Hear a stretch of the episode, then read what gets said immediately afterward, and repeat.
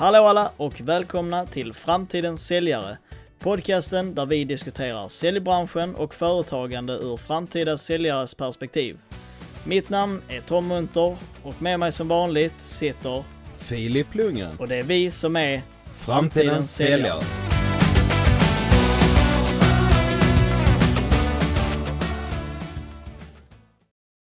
Hallå alla och välkomna till veckans avsnitt av Framtidens säljare. I detta avsnitt så gästas vi av eh, Niklas Vate som är VD för ROI Rekrytering. Vi kommer att prata om rekrytering och hur processen går till och du som arbetsgivare kommer få tipsen hur du lockar toppkandidaterna och lyckas anställa guldkornen. Du som kandidat och som kommer söka jobb kommer få verktygen och tipsen hur du kan påverka så det blir till din eh, favör. Förutom det så kommer även Niklas dela med sig om hur han tror rekryteringen kommer att se ut i framtiden. Och med de orden så hoppar vi in i veckans avsnitt.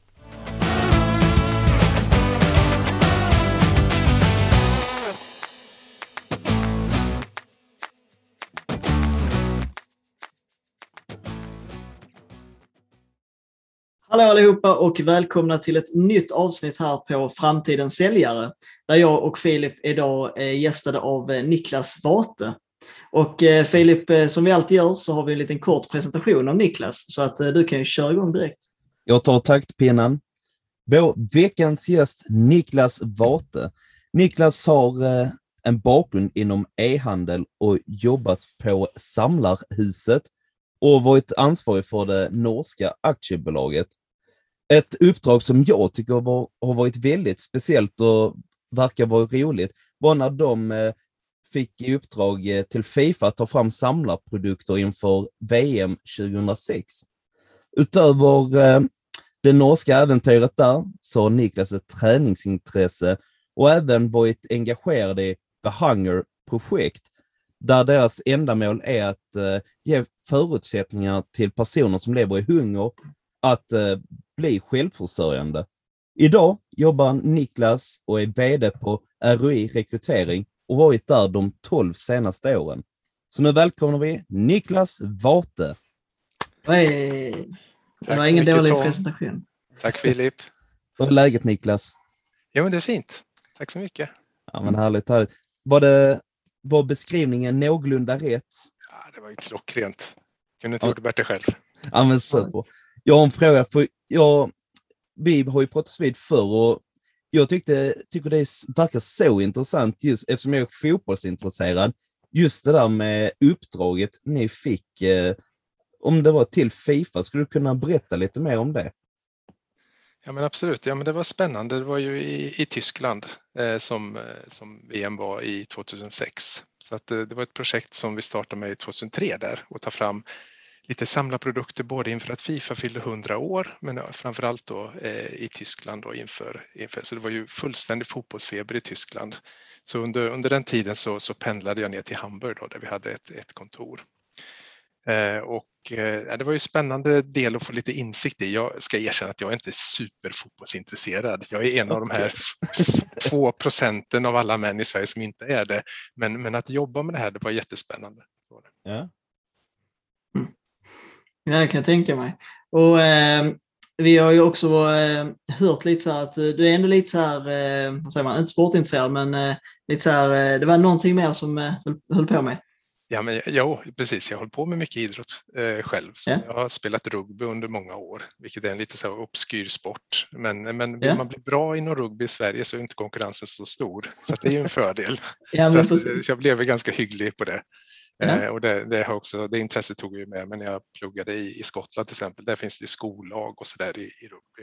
Så det är en väldigt, väldigt underhållande sport, och, både att titta på och framförallt att spela. Och det Ja. är värt att lyfta inom just rugby också. Jag och Tom har ju pratat mycket, jag själv eh, har familj eh, uppe från Örebro och det är inte så inom sportvärlden där, speciellt fotboll nu när man gick ner i superettan, har man haft lite tungt, men just rugby blev ju faktiskt Örebro svenska mästare i förra året, så det är kul att du sysslar med rugby och jag tycker det är värt att lyfta. Men eh, något som jag såg, eh, Niklas, som, som jag tyckte var väldigt coolt, för jag personligen ser inget intresse i det, men jag kan tänka, för det verkar liksom så, om man säger jobbigt, det verkar, eh, ja men att ha det intresset. Jag såg bland annat Toughest, om jag inte fel för mig, men det, det kanske var via ROI som ni var med där. Och sen eh, om det var någon, eh, vad säger man, det var uppe i bergen, det var mycket snö och sånt, så jag också att det var någon, eh, vad säger man, vandring.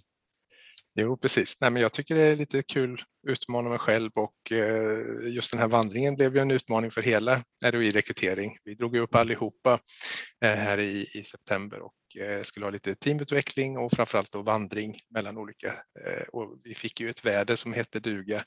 Det var ju 25, eller det var kanske inte bara 25 sekundmeter, men det kändes som, som 25 sekundmeter och, och mm. snö och så där, så vi fick ju verkligen en utmaning. Men samtidigt så fick vi hjälpa varandra jättemycket. Det var ju lite olika vandringsvana, så vi fick ju liksom hjälpa varandra att bära ryggsäckar. Vi fick hjälpa varandra över åar och sånt där. Så när vi pratade om det nu efteråt så var det en jättestor upplevelse, även om det var ganska så tufft när vi var där uppe. Mm. Men, men eh, det var väldigt givande. Mm. Ja, det kan jag verkligen tänka mig. Och eh, nu eh, ska vi snacka lite om eh, rekrytering. Och eh, det hade varit eh, super, Niklas, om du bara går igenom eh, rekryteringsprocessen för oss som, ja, för alla lyssnare och så. Absolut. Nej, men det, det här med rekrytering, det är superspännande. Det som lockade mig in mot rekrytering var just det här med att det var en ganska så konservativ, lite så trögrörlig bransch. Och det har väl alltid lockat mig. Alla här om man säger, karriärval jag har gjort har egentligen gått utifrån att försöka förändra en bransch. Det är egentligen det som triggar igång någonting hos mig. Så det var mm. därför egentligen som, som det här med, med ROI-rekrytering var så spännande tyckte jag att, att dra igång. Eh, jag tycker att rekryteringsprocessen oftast är en ganska mycket som en svart låda. Man brukar prata om det inom flyget. Och då, då börjar vi tänka när vi startar upp det här att ja, men måste det vara så? Så har vi egentligen gjort i många områden. Måste det vara så dålig insyn? Så tittar man på, på bilden av en rekrytering så är det väl lite grann att man startar upp någonting som man, man söker en typ av roll, en tjänst och sen så trillar det ut från rekryteringsbolaget tre eller fyra CVn som man då träffar och förhoppningsvis är det någon som man vill anställa. Men så har man ganska så dålig koll på vad som görs däremellan. Vilka var de andra som sökte? Finns det kandidater där som jag kanske hade tyckt varit mer intressanta som kund? Det kanske är så att man upplever som, som sökande att man har väldigt dålig insyn i vad som händer. Eh, vilken status är processen i? Så vi tänkte egentligen att vi skulle starta en lösning för att skapa en glaslåda av det som har varit en svart låda. Mm. Så det har vi jobbat med nu i, i 12 år och tycker att vi har kommit ganska långt med. Jag tycker det är värt att lyfta också. Jag skulle vilja att du berättar lite om det, för det är som du säger, det är en bransch som funkat rätt likadan under en lång tid. Och något som jag tycker är väldigt häftigt med just ROI, det är att ni inte bara kommer att nej men, leverera kandidater och så, utan ni arbetar lite annorlunda, att ni dessutom utbildar och hjälper företag att själva kunna sköta rekryteringsprocessen och bli bättre i det. Har du kunnat berätta lite om det? Ja, men absolut. Vi, vi tycker att det är en fördel om, om kunden inte bara liksom förlita sig på vår kunskap utan faktiskt ta steg framåt och bli bättre på att rekrytera själva. Eh, och det mm. jobbar vi med på lite olika sätt. Eh, ett sätt rent konkret är att vi startar en, en utbildningsplattform som heter rekryteringsakademin.se där man kan göra gratisutbildningar inom rekrytering i lite olika områden.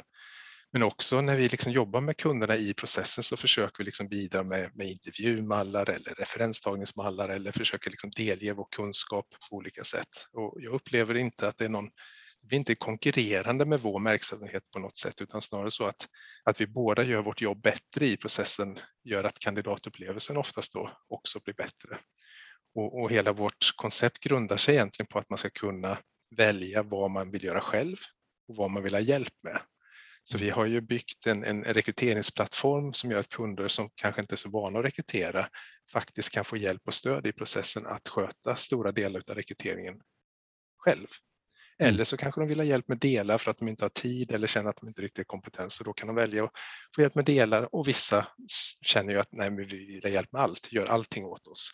Eh, vi betalar hellre liksom för hela jobbet och då får man göra det så att vi liksom skapar den här flexibiliteten och även det här om man ska återknyta till transparensen så gör det i och med att de kan se hela processen. De ser hur vi har graderat kandidaten. De ser ett testresultat, de ser vilka kommentarer vi har gjort på varje kandidat, så kan de också få insyn och bli liksom delaktig i, i processen. Och vissa kunder de, de känner att nej, men kontakta mig om tre veckor så tittar jag på dem som ni tycker verkar bäst. Och vissa av våra kunder är mm. jätteinvolverade. De sitter kanske halv elva på kvällen och tjuvkikar liksom på kandidater. Så det, ja. det, är väldigt skoj. Ja, ja. Det låter det väldigt låter. intressant där. Jag tänker så Niklas, eh, återgår lite till frågan Tom ställde Men om vi börjar från arbetsgivarhåll då. Hur ser den processen ut? Ni har, eh, vad säger man, eh, jag är ett företag och vill ha hjälp med rekryteringen. Hur går hela den processen ut då? Hur ser den ut? Det jag lägger ganska mycket tid på i det första samtalet är egentligen att höra lite grann vilken rekryteringsvana som du har eh, mm. och liksom försöka se lite grann hur pass mogen man är kring ja, hur många rekryteringar man har gjort och kanske vad man känner att man är bra på och inte så bra på i den processen. Um, och sen så kan jag ju då utifrån den beskrivningen och kanske också hur mycket tid du har att tillgå, för rekrytering tar ju lite tid, mm. så kan jag kanske komma med olika förslag. Det kan vara ett förslag som handlar om att du gör alltihopa själv och får hjälp med oss, från oss att komma ut på jobbsajter och komma ut via sociala medier och använder vår rekryteringsplattform för att göra det själv.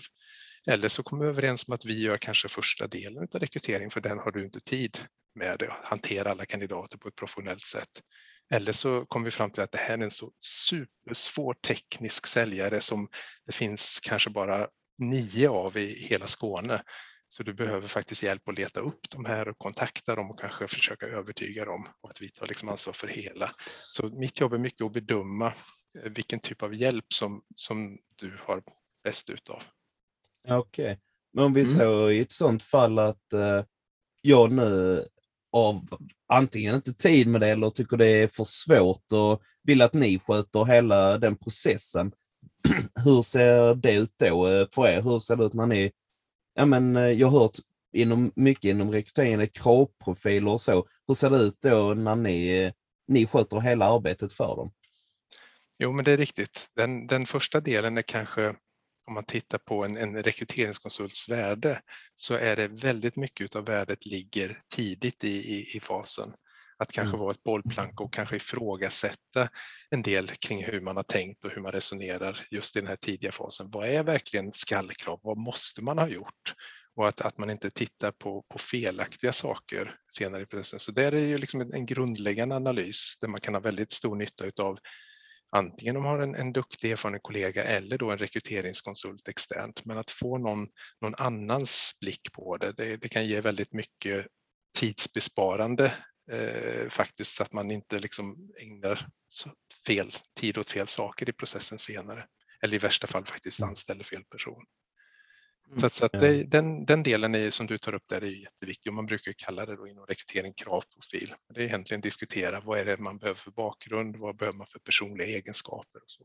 Och sen kan man då ja. lägga upp eh, processen utifrån det så att man tittar på, på rätt, rätt faktorer helt enkelt. Mm. Okej. Okay. Och hur jobbar ni? Ni jobbar mycket digitalt förstår jag, alltså det är ju LinkedIn. Ja, och... precis. Där, där har hänt mycket. Vi, vi kallar oss ju själva för ett eh, vi säger att det är ett REC-techbolag och det är egentligen där REC är ju kombinationen mellan stark rekryteringskompetens hos rekryteringskonsulterna och tech är ju liksom den här tekniska stödet och plattformen. Det var ju väldigt tidigt ute, exempelvis då via sociala medier. Eh, och det, mycket av kandidaterna kommer vi i kontakt med via sociala medier. Och där kommer man också in på en sån här utbildande del faktiskt när man då sitter och pratar med en, med en kund. Det tänker ju nästan alla kunder att ska man ut på sociala medier så ska man ut på LinkedIn. Mm.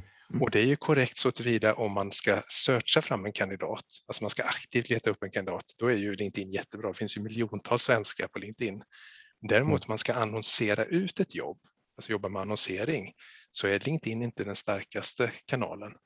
Då är faktiskt Facebook och Instagram betydligt starkare i att generera kandidater och det är nästan ingen som känner till detta och det är ingen som berättar detta för, för kunder. Så där har man ju liksom chansen att faktiskt bidra med kunskap, bidra med utbildning kring hur man lägger upp en bra rekryteringsprocess. Vad tror du att det beror på? För nu blir jag själv lite chockad. Jag trodde själv det var LinkedIn. Vad tror du det beror på att Facebook och Instagram är bättre, ja, bättre till det? Det är väl två huvudorsaker tror jag. Dels så är det att eh, Facebook och Instagram har en bättre eh, bättre verktyg bakom till att målgruppsinrikta annonseringen så att man kommer upp mm. i personers privata flöden. De har fler faktorer som de kan gå på, så träffsäkerheten är lite högre. Eh, den andra delen är att frekvensen som man är inne på Facebook och Instagram är mycket högre än vad det är på LinkedIn. Om jag pratar om mig själv så är jag, jag tror jag är inne på LinkedIn 10-12 gånger per dag. Så jag är ju inte representativ. De flesta är ju inte inne så ofta och kikar där, vilket gör att man inte träffar dem. Man har inte samma chans att träffa personer. Så det är oftast de som jobbar med rekrytering, de som jobbar med någon typ av försäljning, de är oftast inne väldigt frekvent. I övrigt så är det lite mer sparsamt hur ofta man är inne. Ja. Mm. Jag tänker där innan vi nu lämnar arbetsgivaren håll, för jag har hört mycket för branschen så att fler som driver bolag har just problematiken att hur ska vi locka toppkandidaterna till just vårt företag? Så jag tänker där Niklas, du som har 12 års erfarenhet nu inom rekryteringsbranschen, vad har du för tips till arbetsgivare för att locka de, eh, nej men de allra bästa kandidaterna till att vilja jobba på deras företag? Mm. Men absolut. Alltså det, konkurrensen inom vissa sektorer är ju, är ju stentuff och det har ju skett ett, ett väldigt stort skifte. Så när vi startade 2009 var det lågkonjunktur och det fanns jättemånga sökande. Sen har det hänt jättemycket med, med konkurrensen där och alla bolag är ju inte lika välkända. Så det man kanske ofta missar i en, när man lägger ut en, en jobbannons till exempel, att man, man skriver väldigt mycket om vilka krav man har, vad man önskar att personen ska kunna och, och, och, och så vidare. Men man missar ganska ofta att beskriva varför man själv är attraktiv som bolag. Varför mm. ska man börja jobba här? Så att, att man, jag tycker man i princip ska börja någon som är vi erbjuder och det var liksom specifikt på det här kan vi erbjuda som arbetsplats, det här kan vi erbjuda i den här rollen och sen så titta på okej, okay, för att kunna erbjuda detta så kräver vi eh, följande eller skulle vilja ha följande. Och det mm. här kan man jobba med i en jobbannons, men även när man går in på hemsidor. Om vi går in på en hemsida som oftast är väldigt duktiga på att presentera sin tjänst eller sin produkt och, och så, men det är väldigt sällan de är duktiga på att visa varför de är attraktiva som arbetsplats. Eh, och där kanske man då som kandidat skulle vilja se de korta små filmer på medarbetare som uttalar sig varför de började just där, få en liten känsla för hur kontoret kanske ser ut eller arbetsplatsen i övrigt. Få den här liksom, lite mjuka värdena. Vad är det, för, mm. vad är det liksom för värderingar eller kultur som styr den här verksamheten mer ur ett kandidatperspektiv? Och det har många företag börjat fatta, men det finns fortfarande jättemycket att göra kring det. Mm.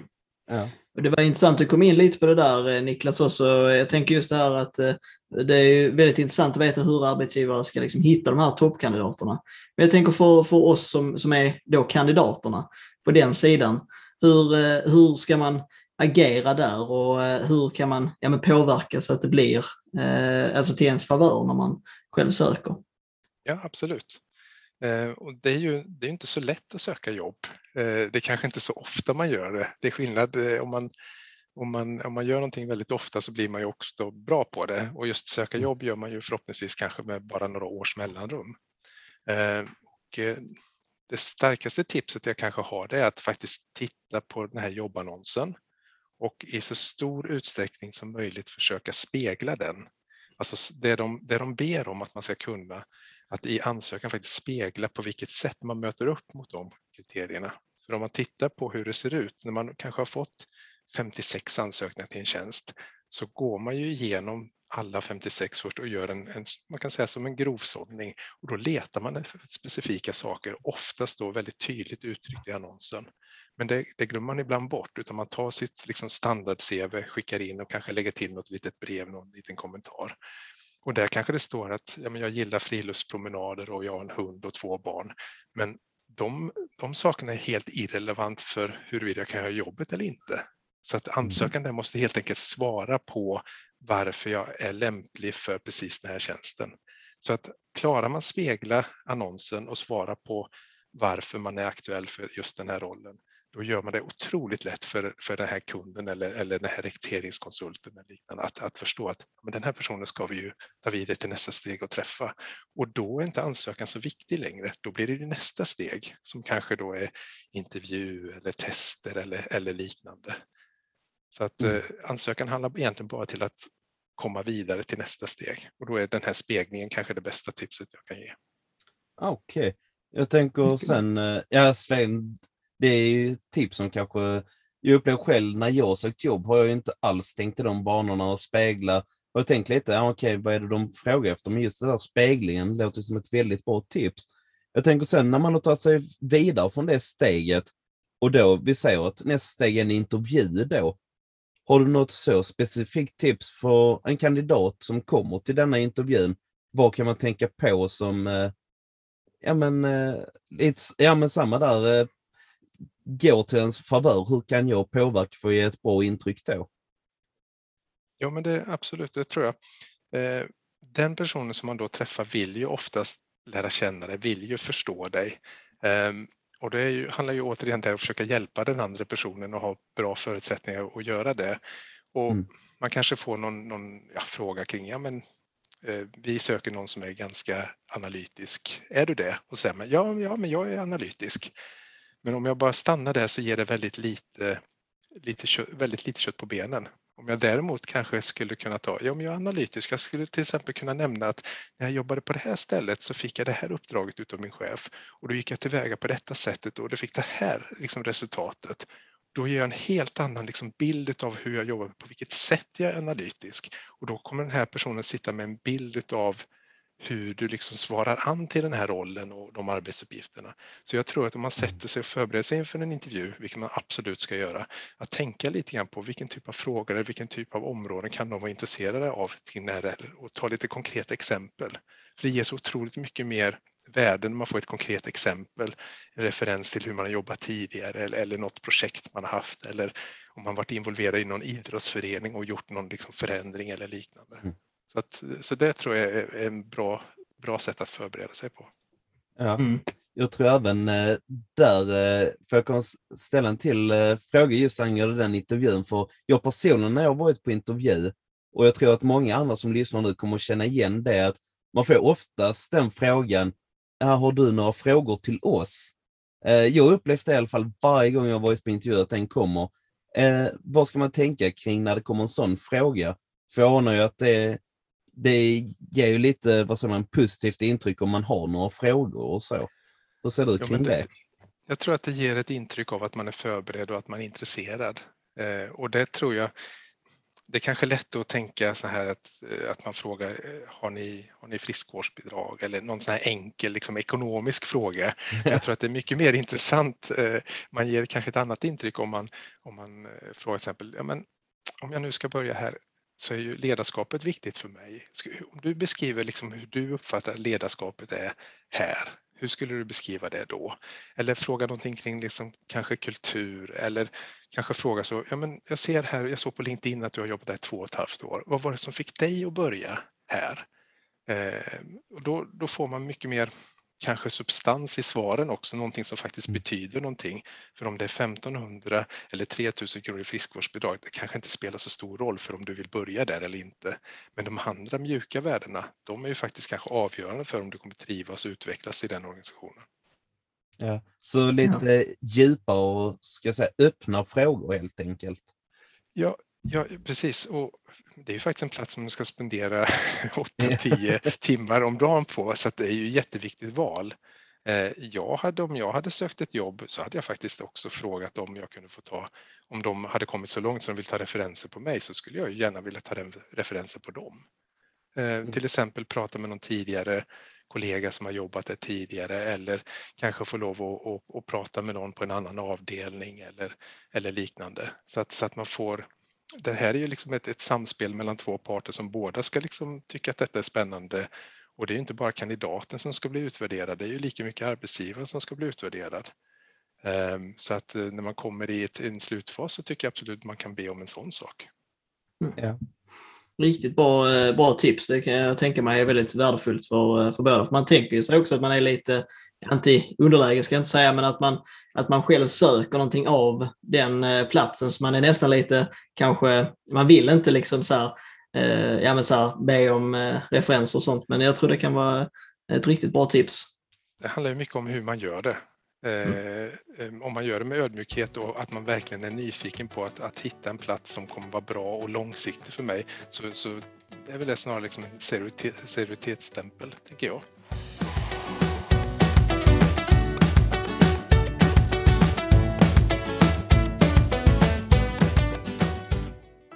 Skulle du eller ditt företag vilja synas här på Framtidens Säljares podcast?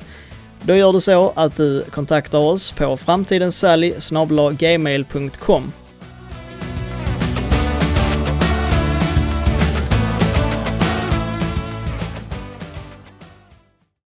Ja, då har vi pratat om, eh, med dig Niklas om eh, rekryteringsprocessen, eh, hur man själv som ja, men kandidat kan agera för att ja, men, ha lite mer, ja, lite mer åt sin favör.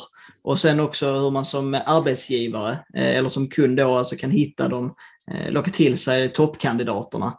Så att, men jag tänkte nu ska vi prata lite om det här med framtidens rekrytering och eh, hur du ser på det. Hur kommer rekryteringen att se ut i framtiden? Ja, det, det, tycker jag kanske är något av det mest spännande. För där hoppas jag verkligen och tror genuint att det kommer hända väldigt, väldigt mycket bara de kommande tre, fyra, fem åren. Eh, och jag tänker mycket på vad man tillför värde om man tänker på en, en rekryteringskonsult, vad tillför man värde? Och vi var lite grann inne på det tidigare i samtalet att det är ju när man liksom sitter vid en uppstart och försöker sätta den här profilen. Vad är det verkligen man behöver? Hur jackar det an till teamet i övrigt? Hur passar detta in? Och vad krävs för att liksom prestera bra på i den här rollen och i, i det här liksom sammanhanget som man kommer? Så var det här bollplanket, det tror jag att man tillför jättemycket värde. Jag tror också att man tillför mycket genom att kunna skriva en riktigt bra, rättvis men lockande annons. Det kan liksom påverka inflödet ganska mycket. Men sen så kommer det faktiskt, om man ska vara ärlig, i rekryteringsarbete om man tittar traditionellt, enormt mycket admin. Massa kontakter, eh, mycket administration och massa tid som egentligen kostar alldeles för mycket pengar om man ska vara ärlig. Tittar man på, på vad rekrytering har kostat, eh, oftast kanske man tar ett par månadslöner och det blir ju ganska stora pengar vilket gör att man inte alltid tar hjälp med rekrytering. Så dels är jag väldigt stark motståndare till att ta betalt på det sättet. Jag tycker det ska vara fasta priser. Men oavsett så handlar det om att, att, att rekryteringskonsulten ska kunna lägga sin tid på det som ger ett värde, både till kandidater och, och till kunder. Och det tror jag den här digitaliseringen som nu håller på att ske ger jättestora möjligheter att kapa enormt mycket admin. Så jag tror om man tittar tre år framåt så tror jag att stora delar av rekryteringsprocessen är automatiserad. Och det är inte nödvändigtvis så att man märker av det så mycket som kandidat, utan snarare så att man får snabbt svar när man söker, man får en snabb uppdatering hur läget är, man får snabbt eh, tester eller följdfrågor eh, och hela tiden så finns det en, liksom en progression i rekrytering som gör att det går mycket snabbare. För folk hatar långa rekryteringsprocesser. Det tar tid av kandidaten, det tar tid av kunden, det tar tid av alla. Mm. Och, och, tid är ju det faktiskt som, som kostar mycket pengar. Så att vi har faktiskt tagit fram nu och kommer lansera inom ett par veckor en fullt ut automatiserad process som passar kanske bäst när det är många ansökningar till en roll. Då kan man faktiskt automatisera hela flödet, men då behöver man ju liksom en, en teknisk plattform som är lätt att använda för, för alla. Men där man helt enkelt man kan säga att man programmerar en rekryteringsprocess där man sätter i början vad man ska titta på och sen sätter man upp de elementen i processen. Och sen är det faktiskt lite grann som att det trillar ut ett antal av personer som fyller de kraven Eh, och kanske då, de kanske man vill träffa och liksom ta en kopp kaffe med och bara känna av att de verkligen passar in i teamet. Men då har man checkat av alla de här liksom egenskaperna, eh, kompetenserna som man behöver för att liksom matcha när man söker. Så, så rekryteringskonsulten kommer lägga mycket mer tid på det som faktiskt skapar ett värde. Så det, det tycker jag är superspännande.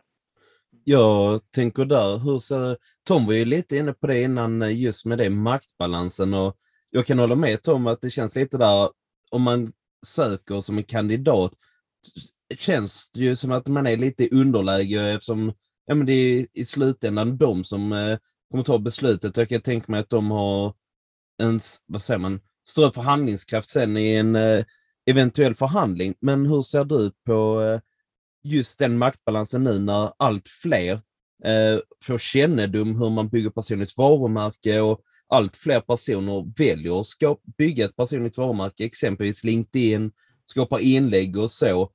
Eh, hur ser du på, hur kommer det se ut nu eh, inom ja, men, tre, fem år inom rekryteringen när allt fler skapar eget personligt varumärke och så? Har det någon påverkan?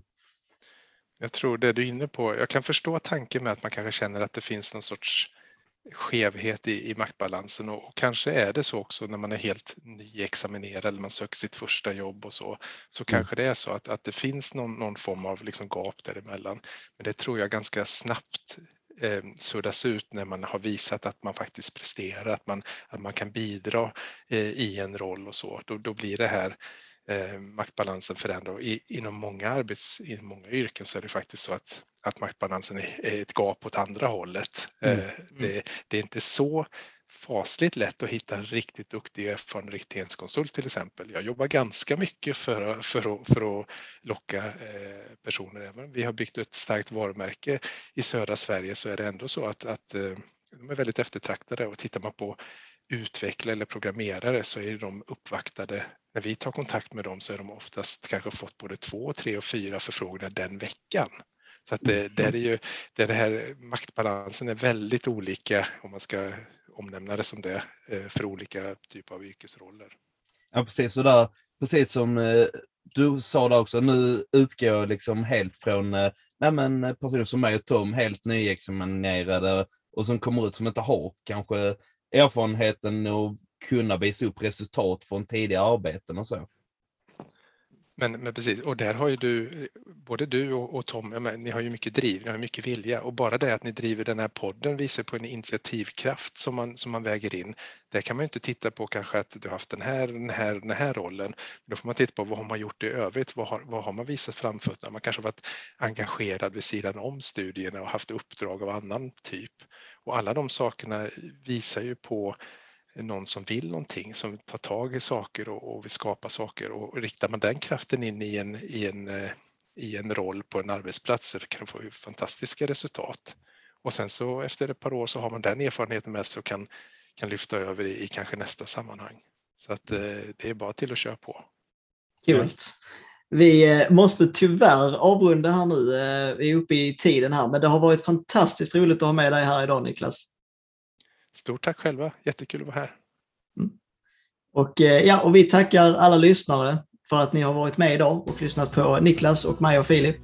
Och eh, ja, vi ses i nästa avsnitt. Vad är det vi säger Filip? Simma lugnt. Simma lugnt.